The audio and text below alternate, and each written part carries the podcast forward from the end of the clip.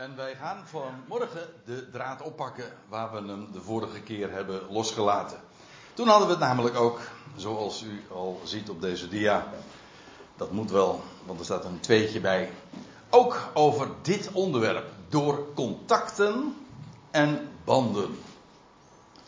En dat is een uitdrukking die ontleend is aan, om precies te zijn, Colossense 2, vers 19. Daar hebben we het toen ook over gehad. En hoewel de meeste vertalingen het wat anders weergeven en ook niet bepaald uh, daarmee duidelijker maken, daar hebben we het toen ook over gehad. Hebben we het uh, op deze wijze ook weergegeven. En vandaag gaan we dat voortzetten. Door contacten en banden. En daarbij ging het in het bijzonder. En dat zullen we van de, ook vandaag weer zien en daarin bevestigd worden. Dat het geweldig is dat we een hoofd in de hemel hebben. Dat wil zeggen, Christus Jezus. En hij heeft hier op aarde een lichaam. En dat is een organisch geheel, maar ook een netwerk. En dat functioneert door contacten en banden of verbanden. Nou, dat zagen we toen. En misschien is het goed om eventjes, al was het maar voor degenen die er toen niet waren, nog even te, in een paar diaatjes aan te geven waar we het toen over hebben gehad. Ik zei al, het ging toen met name, we hebben ook de voorgaande versen daarin uh, besproken, maar het ging met name om dat negentiende vers. En daar wordt gesproken over het hoofd, en dat is Christus Jezus, die boven alles is gezeten, maar die ook een eenheid vormt met ja, de Ecclesia, de gemeente, zo u wilt, zijn lichaam. En dan staat er aan het hoofd van waaruit het gehele lichaam, doelend op de Ecclesia, door contacten en banden wordt voorzien. En verenigd wordend, groeiend in de groei van God. En dat is een typische Pauluszin, want het, eh, het, daar staat elk zinsdeel is eigenlijk een verhaal apart.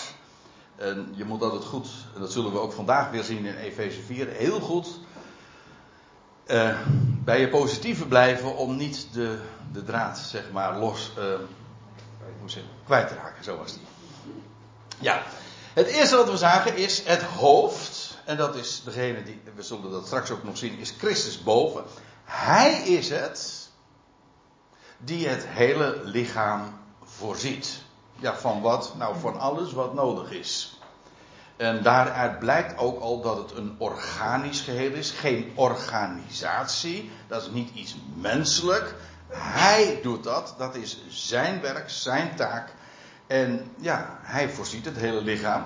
En hoe doet hij dat? Wel, dat staat er gewoon bij. Door contacten en banden. Dat legt meteen ook een enorme nadruk op de functie en de waarde van ja, dat netwerk, dat lichaam dat we samen vormen. We hebben een connectie. We, ik bedoel wij, die mogen geloven, uh, hebben een directe connectie met het hoofd. Ja, maar hoe voorziet hij? Eventueel direct, maar dat is niet wat hier staat. We vormen een eenheid waarbij we elkaar ook nodig hebben, of, of anders gezegd, hij, door, hij voorziet door contacten en banden, ja, uh, individuele connecties, dat zijn dan meer de, de, de contacten. We hebben de vorige keer gezien, daar staat in het Grieks een woordje waar ons woordje haptonomie van afgeleid is. En haptonomie, dat betekent uh, eigenlijk letterlijk zoiets als aanraking. Nou, maar dat is wat een contact ook is. Door aanraking, door contact en door banden of verbanden, verbindingen, samenbindingen, uh, wordt voorzien. Dat doet het hoofd en dat doet hij zo met het hele lichaam. En dan staat er nog iets bij. Zo wordt het lichaam ook verenigd. Ik kom op dat woord trouwens ook nog eventjes terug. En dat betekent in de praktijk ook, dat lichaam is een eenheid, jawel, maar het wordt ook uh, verenigd in die zin dat het in de praktijk ook als een eenheid, als een netwerk, zo gebruiken wij dat woord dan vooral, eh, functioneert. En tenslotte, zo ook wordt door contacten en banden vindt ook de goddelijke groei plaats. Groeiend in de groei van God. En dat is en kwantitatief. Door contacten en banden wordt het lichaam uitgebreid.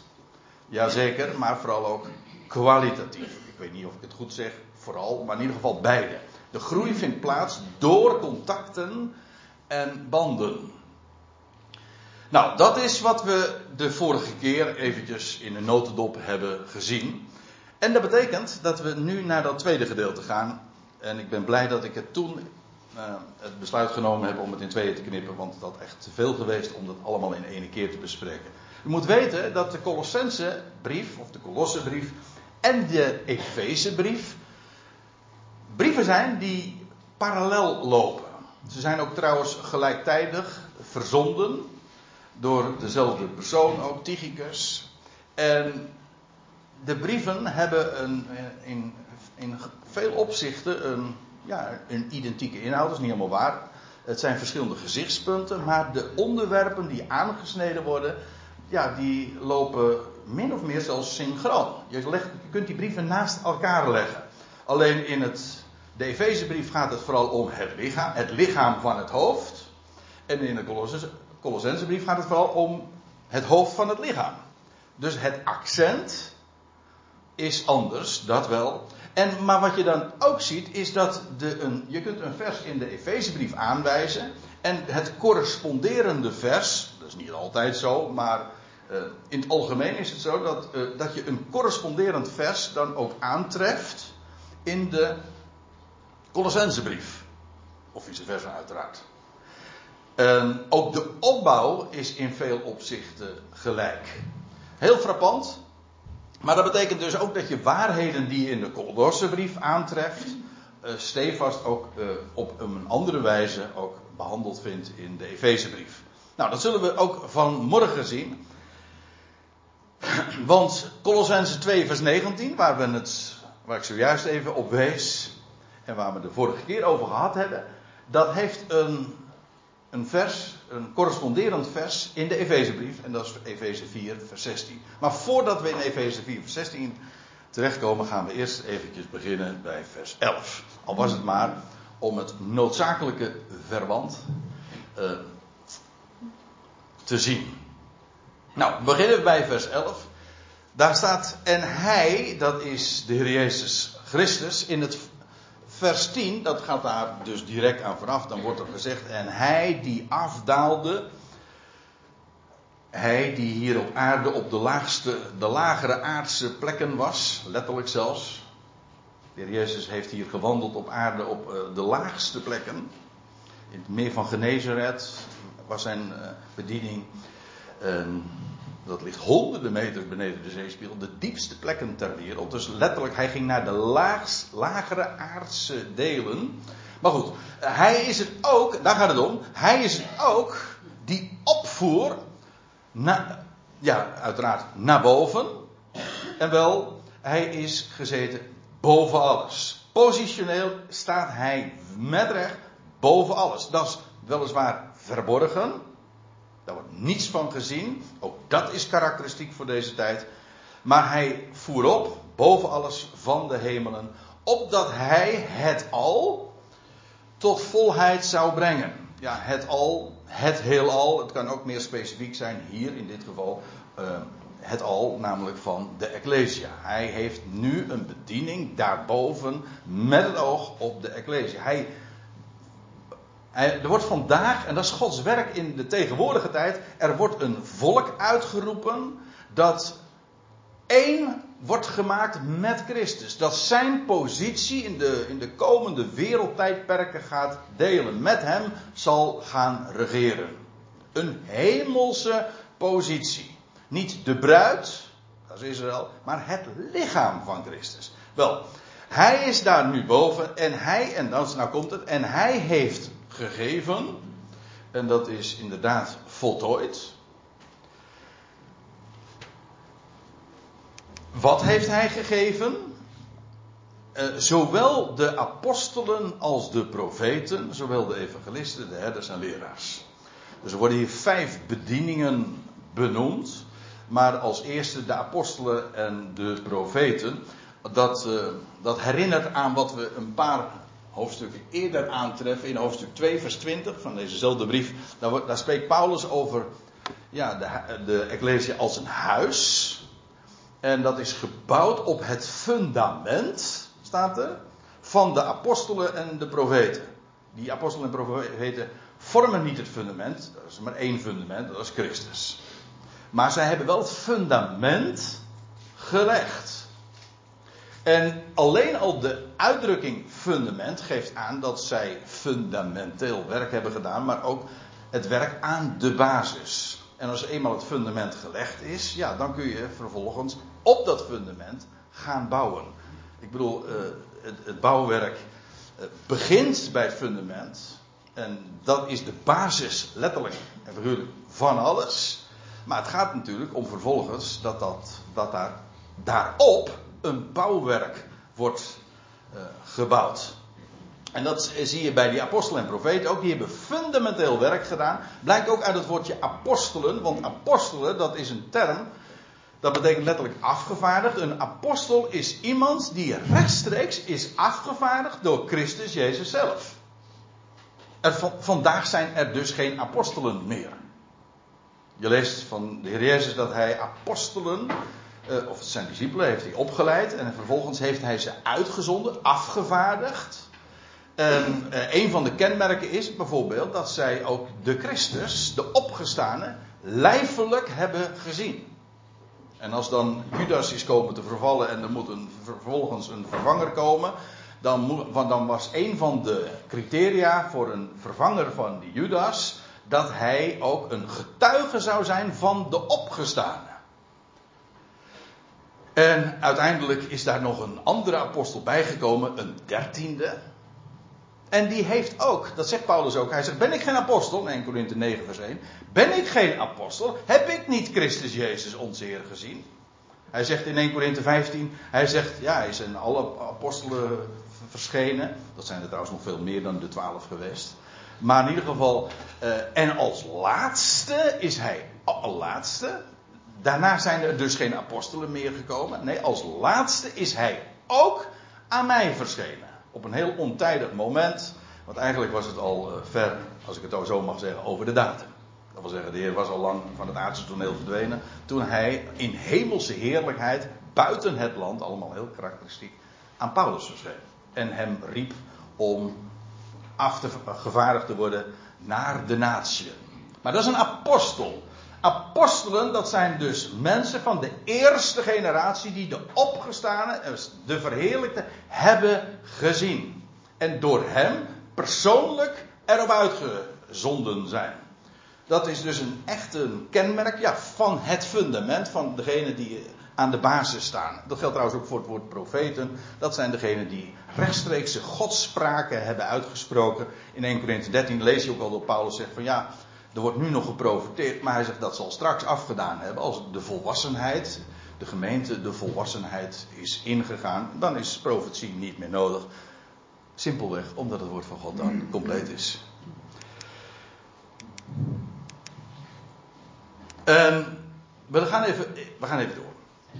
Uh, want ik moet me nu ook uh, wat disciplineren, want we moeten naar vers 16. En ik, maar ik, het is belangrijk om vers 16 te begrijpen. Moet je in ieder geval deze, deze versen die we nu ook onder ogen zien, uh, moet je kennen en ook uh, om het te begrijpen. Nou, hij heeft dus de Heer Jezus Christus vanuit de hemel, toen hij is opgevaren, toen heeft hij apostelen en profeten gegeven.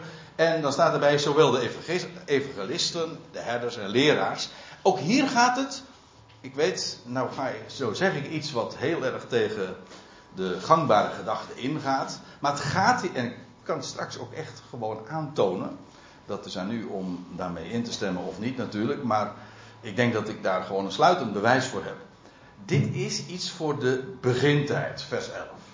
Die apostelen en die profeten die werden gegeven, jawel. En in, welke functie? Nou, wel als evangelisten, als herders en leraars. Dat zijn allemaal feitelijk bedieningen, functieomschrijvingen van de apostelen en profeten.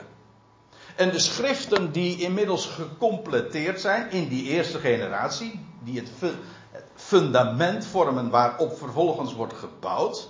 Wel, dat uh, die schriften, wat wij dan het Nieuwe Testament noemen. Ja, dat, zijn, dat is gevormd door evangelisten. De schrijvers die de evangeliën hebben opgetekend. Uh, onderwijs, leraars, herders, die uh, de kudde dat is weer een ander beeld trouwens voor de, de Ecclesia, maar die de kudde dus wijden in het woord van God.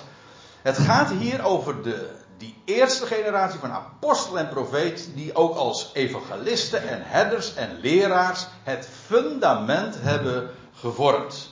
En zij hebben, staat er in vers 12, om de, waarom zijn die gegeven? Nou, dan worden hier een aantal doelstellingen genoemd om de toebereiding van de heiligen tot werk van bediening, tot opbouw van het lichaam van Christus. Nou, dat, die woorden om en tot en tot in, die geven aan dat het oogmerk, waarom heeft de Heer daar vanuit die positie daarboven deze mensen gegeven om, nou, om dit werk. Die doelstelling is in de eerste plaats toebereiding, de heiligen, degenen die apart gesteld worden, dat is gewoon de Ecclesia dus. Dat wat uitgeroepen wordt.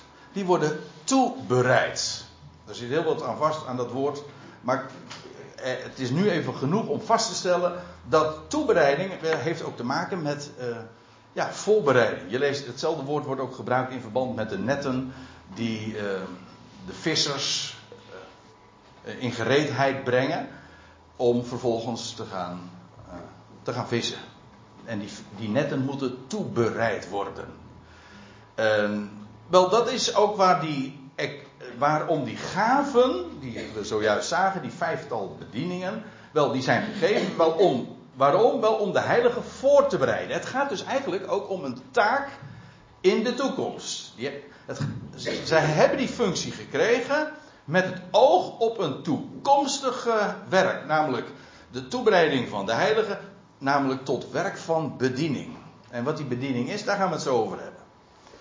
En ook tot opbouw van het lichaam van Christus. Maar daar hadden we het al over, want die gaven die, die waren juist gegeven om het fundament te leggen, zodat daar vervolgens opgebouwd zou kunnen worden. Dus allemaal die gaven zijn gegeven met het, dat oogmerk, met die doelstelling, dat de heiligen daartoe zouden voorbereid worden en daar, uh, daarvoor zijn die gaven gegeven.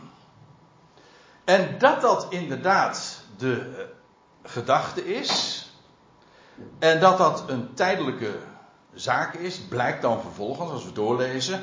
Totdat wij allen de eenheid van het geloof zouden bereiken en het besef van de Zoon van God enzovoorts. Wat, dat woordje totdat is in dit, deze natuurlijk heel belangrijk.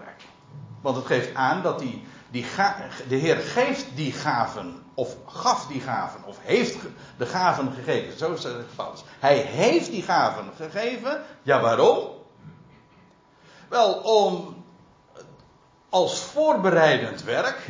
En als dat eenmaal gedaan zou zijn, ja, dan is dat werk dus gedaan. En dan zijn zij niet meer nodig. Dat is wat, wat het. Uh, wat dat woordje totdat in deze ook behelst. Totdat wij allen, dus als geheel,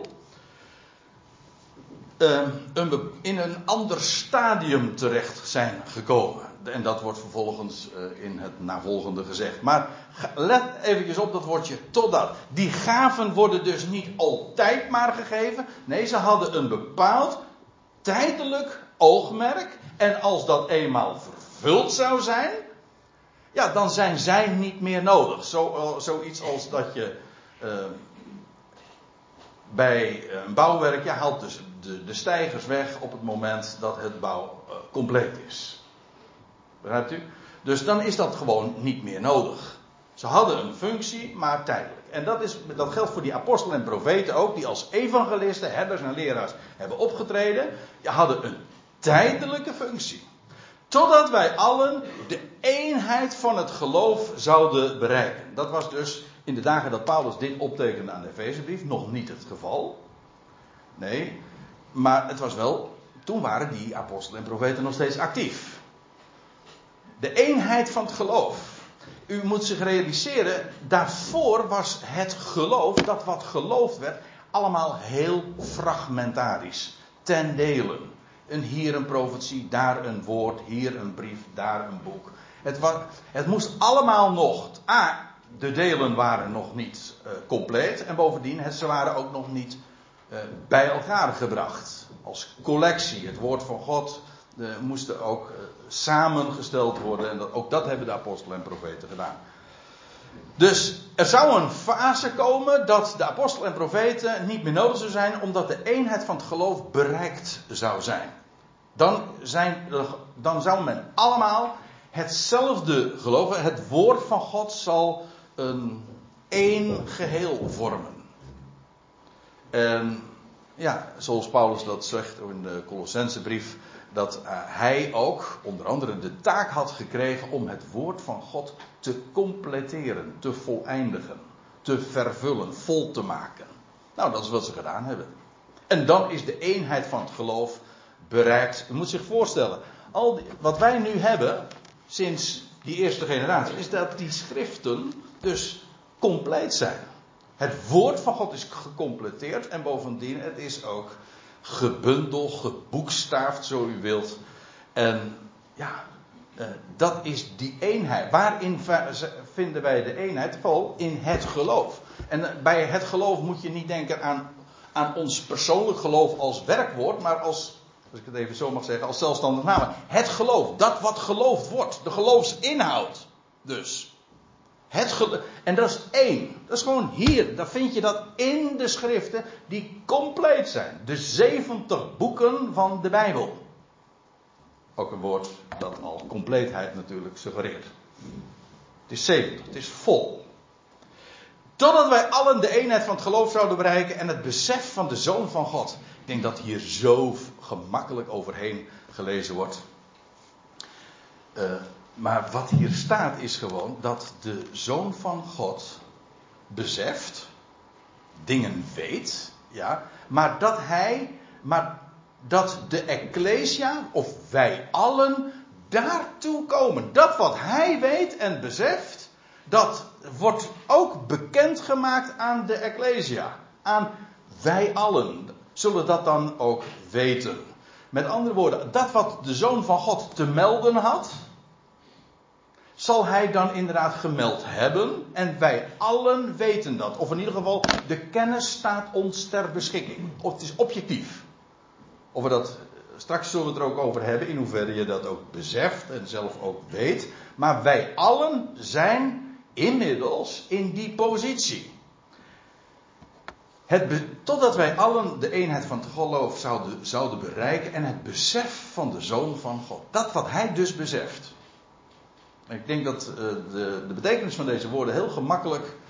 Uh, dat je er A overheen leest en B ook dat je daarvan afdoet. Maar het betekent dus echt, als je het letterlijk neemt, dat wat hij beseft, daar zouden wij toe komen. En daar zouden we ook, ja, niet alleen maar van dat is onze doelstelling. Nee, dat gaat erom, die gaven zijn gegeven met dat oogmerk. Dat we dat zouden weten, dat we datzelfde besef zouden hebben tot een volwassen man. Dus de Ecclesia zou, was eigenlijk, dat is het idee, bevond zich in de dagen dat Paulus dit optekende, in feite nog steeds in de kinderlijke fase. Maar zou volwassen worden. Dat is logisch. Eh, ik had het net over, eh, dat is de metafoor van een bouwwerk. Eerst het fundament, dat vervolgens wordt er iets opgebouwd. Ja, oké, het fundament is gelegd. Dat is wat de apostelen en de profeten ook gedaan hebben. Maar uh, hier wordt een ander beeld gebruikt, namelijk dat van, van groei en van volwassenheid. Wel, de Ecclesia begon kinderlijk. Dat zegt Paulus ook in 1 Corinthië 13. Als hij dat dan uitlegt, u weet het, hè, dat is dat beroemde hoofdstuk over, over de liefde. En dan zegt hij van, maar de meeste mensen ontgaat het denk ik, uh, waar, wat, wat de hele context is. Het gaat erom dat Paulus zegt van ja, jullie Corinthiërs, jullie geven zo hoog op tegen die gaven van, van tongentaal en profetie. Hij zegt maar, weet je, Die tongen die gaan verstommen. En die profetie zal afgedaan hebben. Als eenmaal de volle. Hij zegt, nu spreek. Als ik, hij zegt, toen ik een kind was. Toen sprak ik als een kind. Beleefde ik als een kind. Uh, overlegde ik als een kind. Maar als ik eenmaal een man ben. Ja, dan heb ik afgelegd wat kinderlijk is. Wel, die profetie en die gaven die hij daar noemt. Dat was allemaal tijdelijk. Dit geldt ook. Die gaven die in vers 11 genoemd werden van de apostelen en de profeten, was allemaal nog voor de kinderlijke fase. Niks mis mee, maar het was tijdelijk. Het, was, het had een totdat. En als de gemeente eenmaal volwassen is, in een volwassen stadium is gekomen en het volle besef is overgebracht van de Zoon van God en de eenheid van het geloof bereikt is, ja, of nog anders gezegd, uh, tot een ma ik had het zojuist over uh, de soms wat moeilijke stijl van Paulus schrijven. Uh, hier heb je er nog zo'n voorbeeld. Hè? Besef van de zoon van God tot een volwassen man, tot een maat van statuur, van de volheid van Christus. Lees dit maar eens voor aan tafel. Hè? Ja, dit is ook niet zomaar om voor te lezen. Dit is echt om te spellen. Doen wij nu eigenlijk ook min of meer. Het is echt om te spellen. Tot een volwassen man en feitelijk staat hier min of meer iets uh, gelijkluidend, namelijk een volwassen man. De gemeente is mannelijk, jawel, het lichaam van Christus en komt in een stadium van volwassenheid.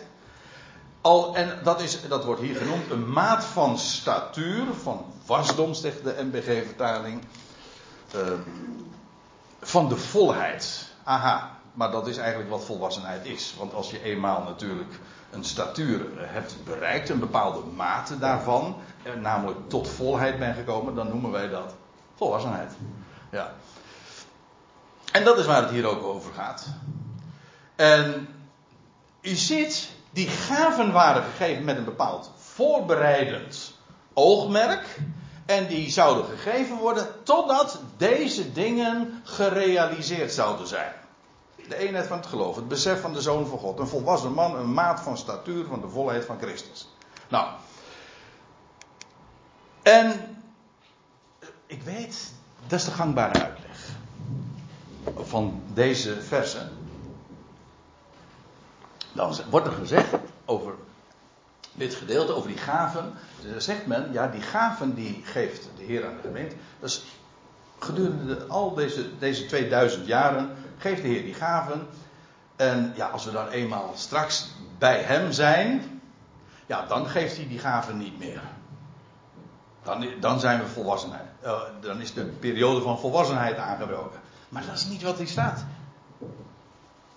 Want als de volwassenheid eenmaal is gekomen, dan is het niet zo van ja, dan zijn we daarboven volmaakt en dan is het allemaal koek en ei. Nee, het is juist, hij zegt van als die maat van die volwassenheid eenmaal is gekomen, oftewel als de schriften compleet zijn, als de apostelen en profeten alles hebben doorgegeven wat er maar door te geven is, daar vol besef is, de, een volwassen stadium is gekomen, dan is dat zo noodzakelijk. Waarom? Omdat er juist een periode dan zal zijn dat je heen en, dat men heen en weer ge, uh, heen en weer ge, hoe zeg je dat? Geslingerd wordt, ja, dat is. Uh, naar allerlei wind van leer en dat de mondigheid, weten waar het om gaat, en dat je ook, als je mondig bent, dat wil zeggen dat je een woord hebt eh, als repliek. Je bent mondig Kijk, als je kinderlijk bent, dan, weet je, dan sta je nog met je mond vol tanden. Maar als je eenmaal mondig geworden bent, dan mag je spreken, dan kan je ook spreken. Hoe zegt Paulus dat? Ehm, nog een keer 1 Korinthe 13. Toen ik een kind was, eh, spreek, sprak ik als een kind. Maar dan word je nog niet helemaal serieus genomen. Als je eenmaal mondig bent, dan weet je waar het om gaat. En wat Paulus zegt is, als die gemeente eenmaal volwassen eh, is, ja, dan zijn wij uh, dan, uh, waarom is dat zo belangrijk? Opdat we dan niet meer onmondigen zouden zijn. Dat is dus niet meer nodig.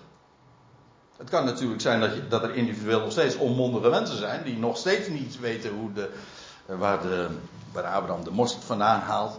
of waar, waar de klepel hangt. of wat voor uitdrukkingen zijn er nog meer. Dat kan allemaal. Maar de doelstelling is, als je eenmaal volwassen bent, als die gemeente eenmaal volwassen is, de schriften compleet zijn, ja, dan dat is opdat wij niet meer onmondigen zouden zijn, op en neer golvende en rondgedragen worden in elke wind van leer. Ziet u dat dit helemaal niet gaat over dat we straks daarboven bij de Heer zijn in de volmaaktheid, in de opstanding? Want dan is er helemaal geen sprake meer van, van wind van leer en rondgedragen worden en in de willekeur van mensen. En, nou ja, wat in het vervolg van vers 14 ook uh, gezegd wordt. Integendeel. Dit gaat over een situatie hier op aarde waar die gaven inmiddels tot het verleden behoren. Maar waar de gemeente inmiddels in een volwassen stadium is gekomen en weet heeft van. En waarom is dat zo belangrijk? Wel omdat er nu juist sprake is van, uh, ja, van zoveel tegenstand, van zoveel verwarring, zodat je een fundament hebt. Kijk, nu is de gemeente als geheel volwassen. Individueel kunnen er onmondigen zijn, en die zijn er denk ik ook vele, maar dat is niet meer nodig. Het is alles wat te weten is, staat ons ter beschikking. Dat is gewoon het, ja, dat stadium waarin de gemeente als geheel uh, is terechtgekomen. Dus dan is, dan is de gemeente als geheel een volwassen man. Maar individueel kunnen gelovigen nog steeds baby's zijn. Ja, ik bedoel, per slotverrekening, ook als nu iemand tot geloof komt, ja, dan begin je in, toch echt in een individueel onmondige stadium, toch? Dan weet je, dan weet je van toeten nog blazen. Dat is er nog eentje. Van toetsen nog blazen. Nee, dat is weer wat anders. De gemeente als geheel, de ecclesie als geheel is volwassen. Dan is er geen noodzaak meer, geen noodzaak meer om onmondig te zijn. Te zijn. Ook niet meer uh, nodig om heen en weer geslingerd te worden. Het idee is natuurlijk dat van, de, van, van golfslag op, op zee, waarbij je alle kanten op gaat. Hoeveel zijn er niet? En die denken ook dat het normaal is, want ja, want we leven in zo'n, ook vandaag. Ja, niet alleen vandaag. Maar je zou kunnen zeggen, ja, maar sinds die apostelen en profeten er niet meer zijn, is toch eigenlijk de, de, de Ecclesia in een, in, een, onmogelijke situatie gekomen. Het gezagsorgaan, degene die de Heer had afgevaardigd, die zijn komen te ontvallen, ze zijn gestorven. Ja, en nu? Als een schip dolen we ergens rond? Nee, zegt Paulus. Integendeel, dat wat namelijk wat zij hebben gegeven en doorgegeven, dat zal compleet zijn en dat is het fundament. Daarop kun je bouwen en dat is juist opdat je niet meer heen en weer geslingerd zou worden. Waar het feitelijk over gaat, is de geweldige waarde en de waarheid van de schriften. Wat hebben we vandaag? Nou, de schriften. We hebben alles. We hebben alles wat we nodig hebben. De waarde van dat woord, van dat gecompleteerde woord, kunnen we nooit overschatten. Dat is waar we, ja, waar we mondigheid aan ontlenen. Waardoor we weet hebben van. En waardoor we ook niet meer heen en weer geslingerd worden door allerlei beweringen en dogma's of filosofieën, theologieën. Ja. Als je je daarop oriënteert, ja, dan word je heen en weer geslingerd. En hoe, ik trouwens, ik denk dat er heel wat gelovigen zijn voor wie dat de ervaring ook is. Op het moment dat je je daarop focust. Ja, die zegt dit en die zegt dat. Ja, maar wat is het dan? De waarheid. Het fundament dat gelegd is. De schriften die gecompleteerd zijn. Daarop zouden we ons oriënteren. Ja, en dan is het. Uh, dan vind je ook werkelijk rust en stabiliteit. Dat is trouwens wat rust is. En vrede.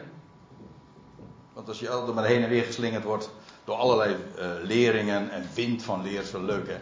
Want uh, ja, hoe gaat dat? Dat is ook allemaal zo, zo.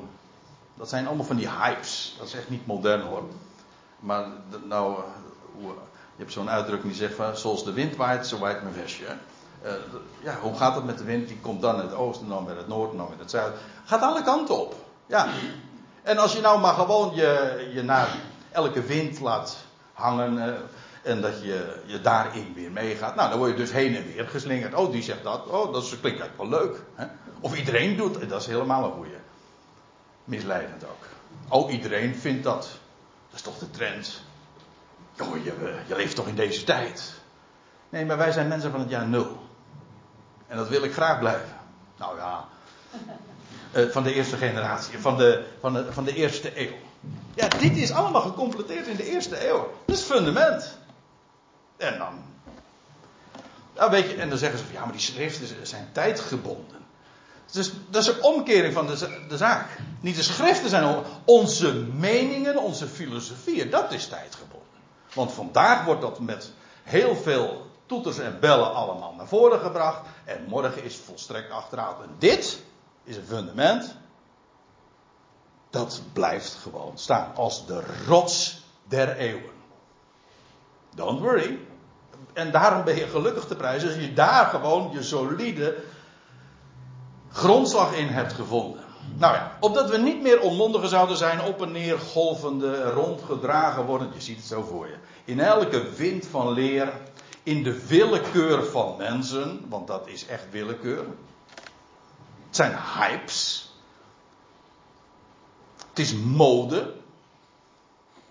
En ja, nou ja, wat je daar ook verder van vindt. Sommige mensen moeten het van mode hebben, niet waar, Arie? Maar. Nou ja. Niet uit de eerste eeuw. Niet uit de eerste eeuw, nee. Maar je hebt nu wel een baardje. Hè? Nou, oké. De willekeur van mensen. En er staat nog iets bij in sluwheid. Want daar is, het is maar niet alleen maar dat het hype zijn en mensen door emoties worden gedreven. Er zitten ook nog weer breinen achter die daar eh, gedachten bij hebben. Die je proberen in te palmen, in te pakken. Eh, of je iets proberen te verkopen. Dat is ook eh, dat. Toch? Of. Maar in ieder geval sluwheid. Die door middel van technieken, overredingstechnieken uh, mensen mee proberen te nemen. En als je daar niet alert bent, waar gaat het om? Dat je alert bent, volwassen. Waar gaat het om? Denk goed na. Dat is het eigenlijk. Uh, in sluwheid met het oog op de methodiek van de dwaling. Ja, ons woordje methodiek, je, ziet het hier, uh, dat is eigenlijk een Grieks woord. de methodiek, de systematiek. De, het is systematische dwaling. Je kunt dwaling, dan, dat is heel effectief. Kijk, het kunnen hypes zijn, dat zijn dan van die voorbijgaande dingen. Maar als het gesystematiseerd wordt, of ja, gedogmatiseerd, want dat zijn ook systemen van instellen, van gedachten, concepten, die een samenhangend geheel vormen. En dan is het de dwaling gemethodiseerd, dan wordt gesystematiseerd. En dat is, dan wordt het massief komt dat op je over. Nou, dat valt niet mee om dat, daar doorheen te kunnen prikken. Nou, dat is allemaal aan de orde. Ziet u wat Paulus hier ook voor zegt? Hij zegt, aan de ene kant, die gaven die er nu nog zijn, die zijn tijdelijk. Maar het werk zal dan ook gedaan zijn. De schriften zijn dan compleet. Volheid, volwassenheid, jawel. Maar dat is zo belangrijk, omdat er namelijk tijden gaan komen waarin je je oriënteert niet op mensen, ook niet op een gezagsinstantie. Dat is er allemaal niet. Niet een instituut of een paus daar in Rome. Uh, zeg van daar moet je je op oriënteren, die heeft leergezag. Onzin. Er is maar één bron, één gezag en dat is de schriften, het woord. Daar gaat het om. En ja, de, maar realiseer je dat er heel veel golfslag en en wind van leer en methodische dwaling zal zijn. Dus als de gaven van vers 11 niet meer present zijn, dan, waarom? Dat is omdat hun werk is afgerond. Het woord is compleet. Maar juist dat complete woord functioneert en bewijst zijn waarde juist in een context van wind van leer, sluwheid en methodische dwaling. Eh, want dat zal er dan des te meer zijn. Als je niet meer op mensen, ook niet een gezagsinstantie, ook geen apostel en profeten meer kunt oriënteren, ja, wat heb je dan wel? Maar staat er dan, we komen wel bij vers 16, maar waarheid betrachtend. Ja, de, hoezo waarheid? Nou, daar had hij het over, want die zou dan inmiddels uh, gecompleteerd zijn. Het woord is gecompleteerd. En die, hoeft, uh, die waarheid hoef je niet te verdedigen, daar mag je gewoon in leven. Die waarheid is geopenbaard. En ja, voed je daar nou maar mee. Bestudeer, dat. En weet je wat nou zo leuk is? Uh, dat is een groot voordeel. Dat is eigenlijk ook een tip die daarin meekomt. Kijk, om leugen te herkennen, hoef je echt niet al die leugens te, in al die leugens te gaan verdiepen. Dat denken sommige mensen. Ja, om, om die leugen te herkennen moet ik me in die leugen eerst verdiepen. Dat is niet waar. Het enige wat je moet doen om de leugen te herkennen is de waarheid te kennen. Want als je de waarheid kent, dan herken je de leugen. Ik bedoel, uh, hoe herken je vals geld? Mensen die zich daarin bekwaamden, in het verleden was dat helemaal een, een belangrijke functie. Mensen die, uh, die, uh, die vals geld, valse munterij moesten herkennen. dat waren mensen die niet zich specialiseerden in hoe vals geld gemaakt werd. Maar dat waren mensen die precies met de grootste detail, met de kleinste details en de grootste nauwkeurigheid echt geld kenden.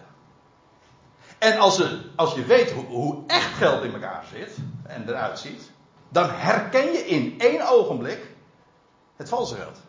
Kijk, dat is met de waarheid ook. Om de leugen te herkennen is één ding. Kijk, want u weet het, hè? Er zijn. Er is één waarheid, maar er zijn vele leugens. In feite is dat aantal uh, oneindig. Als ik zeg 2 maal 2 is er is één correct antwoord, maar ik kan 100 miljoen foute antwoorden bedenken. Leugens zijn er gewoon oneindig. Maar van de waarheid is er maar één. Daarom, het mooie van die waarheid is ook, het, er is er niet alleen maar één van. Het maakt ook één. Want als je dus bij die waarheid bent en blijft, dan vinden we daarin elkaar ook. De waarheid betrachtend in liefde, maar ja, dat wil dus ook zeggen met elkaar. Maar daar, in die waarheid vinden we elkaar ook. Paulus zegt, nee, dat zegt Johannes in zijn brief, dat indien we in het licht wandelen, zo hebben wij gemeenschap met elkaar. Dat is niet iets wat je maakt. Een, uh, je maakt geen club. Ja, oké, uh, je, je, maakt wel een club. Dat, doe je, dat is juist wat, wat je. Dat is mensenwerk. Maar daar waar het licht van het woord schijnt. Gewoon daar waar de schriften open gaan en waar je je met elkaar bezighoudt met wat geopenbaard is, that's it. Wat je opinies zijn, wat mijn opinie is of de uwe, dat is niet interessant, maar gewoon die waarheid. We onderzoeken de schriften. Nou, daar bij die waarheid en bij hem die spreekt, ja, daar vinden we elkaar. En dat is eenheid. En dus liefde. Want, ja, wat is liefde anders dan de eenheid die je met elkaar zoekt, maar ook beleeft waarheid betrachtend, in liefde, zouden wij in dit al, let op, in dit al, wat bedoelt hij met in dit al? Nou, over die omstandigheden waar hij het in vers 14 over had. Namelijk, te midden van elke wind van leer en methodische dwaling, is het belang natuurlijk, deze, dat je de waarheid kent. En daarin leeft en betracht. En zo ook met elkaar eh, bij die waarheid bent en in deze omstandigheden groeien tot hem. Dat is leuk. Dus terwijl het geheel volwassen is, volgroeid is, individueel groeien we nog steeds. Ziet u? De gemeente als ecclesia is volgroeid, volwassen. In dat stadium is al 19 eeuwen. De schriften zijn compleet. En sinds die tijd hoeven we officieel niet meer onmondig te zijn. Is niet meer nodig. Dat, is ook, dat was ook precies de reden waarom die schriften gegeven zijn. Maar individueel groeien wij nog steeds. Ja, natuurlijk. Ja, en ook trouwens gezamenlijk. Ook, maar daar hebben we het zo nog over, door contacten en banden. Wij groeien tot Hem, die het hoofd is. Ja. Dat wil zeggen, wij leren Hem kennen. met wie wij verbonden zijn. En dat is eigenlijk ook een van de thema's natuurlijk in deze hele brief. Dat, we, dat wat Christus is toebedeeld, Hij is daarboven, Hij is gezeten aan Gods rechterhand. Vergis je niet, Hij is gezeten aan Gods rechterhand, maar wij ook. Dat is gewoon ons, ons lot. Dat is ons, ja, zo staat het er ook echt. Grijp toch de kansen, hè, zongen we. Maar dit is gewoon het lot wat ons is toebedeeld. Daar doe je niks voor, dat zegt Paulus in Efeze 1. Het, het lot is ons toegevallen dat wij één gemaakt zijn met hem. Hij, die positie die hij deelt om heel de schepping tot God terug te brengen, daar mogen wij als zijn lichaam in delen. Straks in de komende ionen krijgen we daarin nog een geweldige taak. Dus eigenlijk is dit allemaal nog maar ja, voorspel. Onze eigenlijke taak begint straks, uh, ja, die kunnen we straks gaan aanvatten. We worden hier opgeleid. U dacht straks te gaan uitrusten. Nou, vergeet het maar. Nou, klinkt ook wel erg dreigend. Nou, want ik bedoel eigenlijk te zeggen van. Uh, het, ik bedoel eigenlijk gewoon dit te zeggen. We krijgen nog zo'n geweldige gigataak. Ja, om verbonden te zijn met Hem. Wij, en daar groeien wij ook. Ja, om, om tot dat besef te komen. Je te, eigenlijk is het idee. Sorry. Het idee is dat je je bewust gaat worden wie je bent. Weet je dat? Ja, in de islam moet je dat dan horen. En als je het hoort, ja, zo maak je je de dingen eigen, zodat je het ook weet. Vervolgens gaat het er ook om dat je dat echt gaat realiseren. Beseffen. Tot welke roeping je geroepen bent. Dat is kolossaal. Ondanks het feit dat het de Efezebrief is. Ja.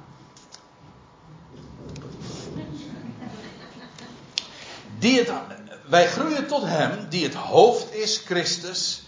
En nou zijn we in vers 16. Ik heb nog maar een kwartiertje. Maar goed, nou begrijp je het wel. Ik denk het wel. Want als je eenmaal de inleiding begrepen hebt, dan is dit 16e vers, hoewel het wat moeilijk geformuleerd is, dat geef ik toe. Je moet het zinsdeel voor zinsdeel ook eh, bekijken. Maar ligt wel heel erg voor de hand. Je bent eigenlijk al meegenomen in, de, in dat wat Paulus onderwijst. En dan zegt hij ook vanuit wie, namelijk dat hoofd, heel het lichaam samenbindend en verenigd wordend. Dat samenbinden hebben we het over gehad. Namelijk de vorige keer. Hier wordt namelijk datzelfde woord gebruikt als in vers 19 van Colossens 2. Ja, en dat heeft te maken dus met verbanden. Wij worden, een verband is dat wat ja, een verbinding legt. We worden bij elkaar gebracht. Dat is bij, Ecclesia is ook een vergadering. Je komt bij elkaar in een verband. Dat is nog meer dan alleen individueel contact, maar in verbanden samenbinden. Van wie heel het lichaam, het hoofd zorgt ervoor. Voor, ja, logisch. Zoals mijn hoofd zorgt voor dit lichaam en alles, tot in de verste uithoeken, wordt alles uh, zo in een gezond lichaam geregeld. En dat gebeurt vanuit het hoofd. En hoeft het lichaam zich ook helemaal trouwens niet eens van bewust te zijn. Dat, dat is de zaak van het hoofd. En je, waar het om gaat is dat, je gaat, dat we gaan beseffen wat voor plaats hij ons geeft.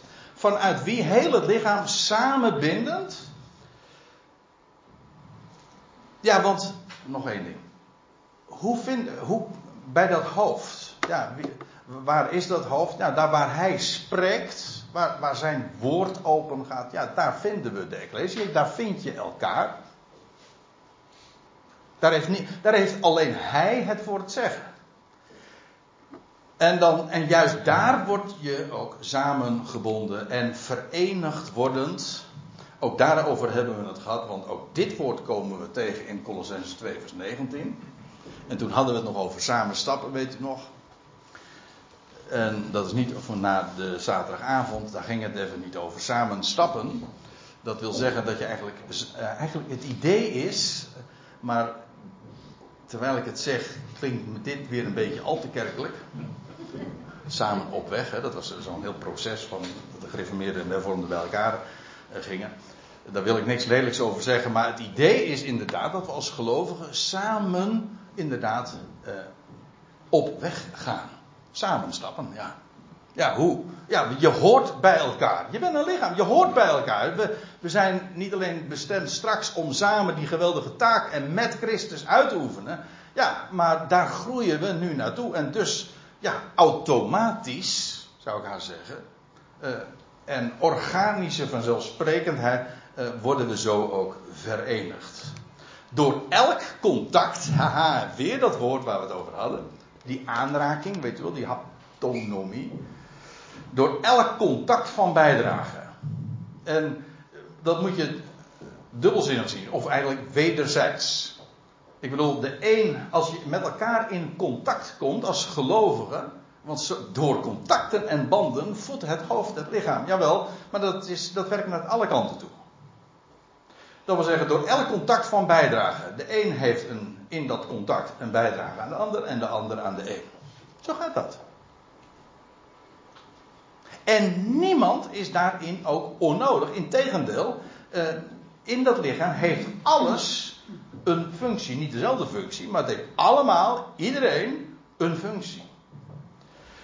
Door elk contact van bijdragen, en nou komt het moeilijkste deel, of in ieder geval een beetje een lastig eh, deel om te begrijpen, naar inwerking in maat van een ieders deel.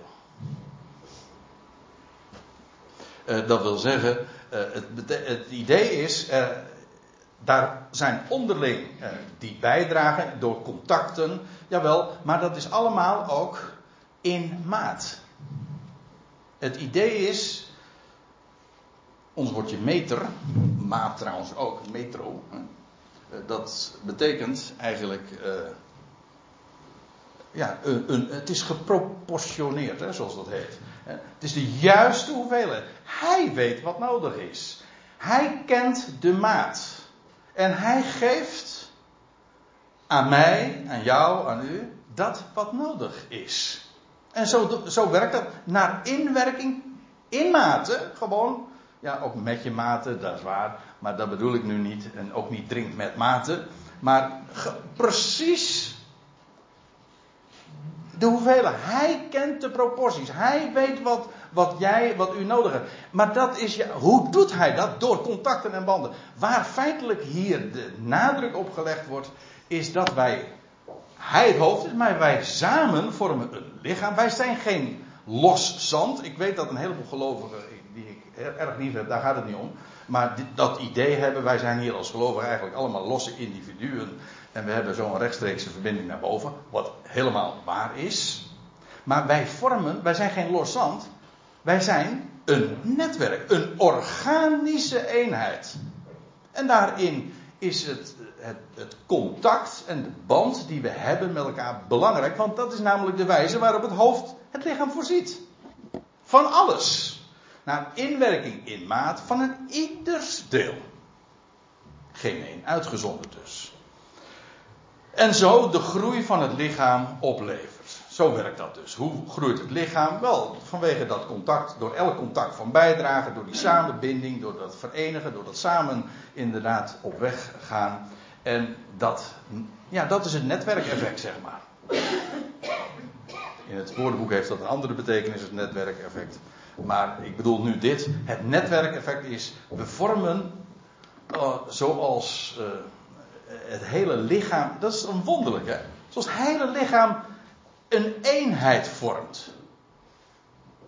En, dat, en, en, het feit dat, ja, als ik dan denk van nou ik moet mijn hand opheffen, dan, dan gebeurt dat zomaar. Ja, ja hoe gaat dat? Ja, hoe het gaat weet ik ook niet. Maar gebeurt. Als, als het allemaal goed en gezond mag werken. Ja, maar dat is, dat is wonderlijk allemaal. En, en, en, en, ik hoef er niet aan te denken van dat weer eens een celletje moet worden vervangen. Maar het, uh, want inmiddels, weet u dat hier, ik las dat van de week nog een artikeltje over. Dat uh, elke zeven of acht jaar wordt je hele lichaam compleet vervangen. Hier staat een compleet andere andere in dan zeven jaar geleden. Dat wil zeggen, elk, elk stukje materiaal wat hier nu staat, is volstrekt anders dan zeven jaar geleden. Ja, ik zie er ook een beetje ouder uit. en maar eigenlijk ben ik niet ouder geworden, ik ben jonger geworden. Dat begrijpt u?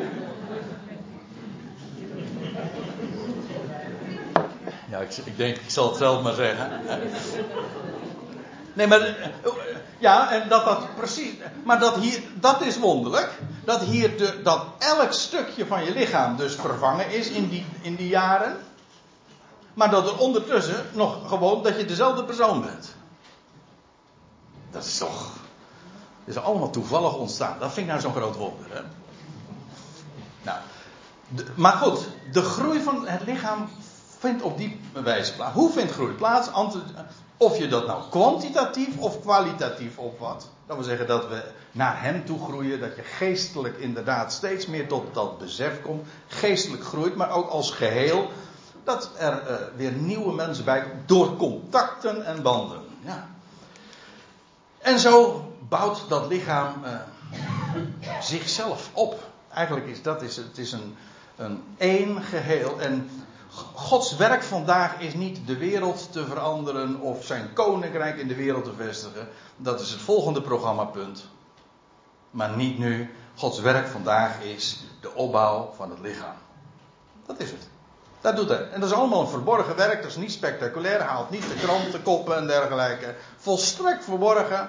En in de, in ogen van de wereld volstrekt onbetekenend ook. Zo hoort het ook. Daar gaat niks mis dus. Integendeel. En ondertussen hebben wij dat levende, krachtige, solide woord. En daarin vinden we vastheid. En zo vinden we el- met elkaar ook in liefde. Beleven we dat we bij elkaar horen en een organisch netwerk vormen.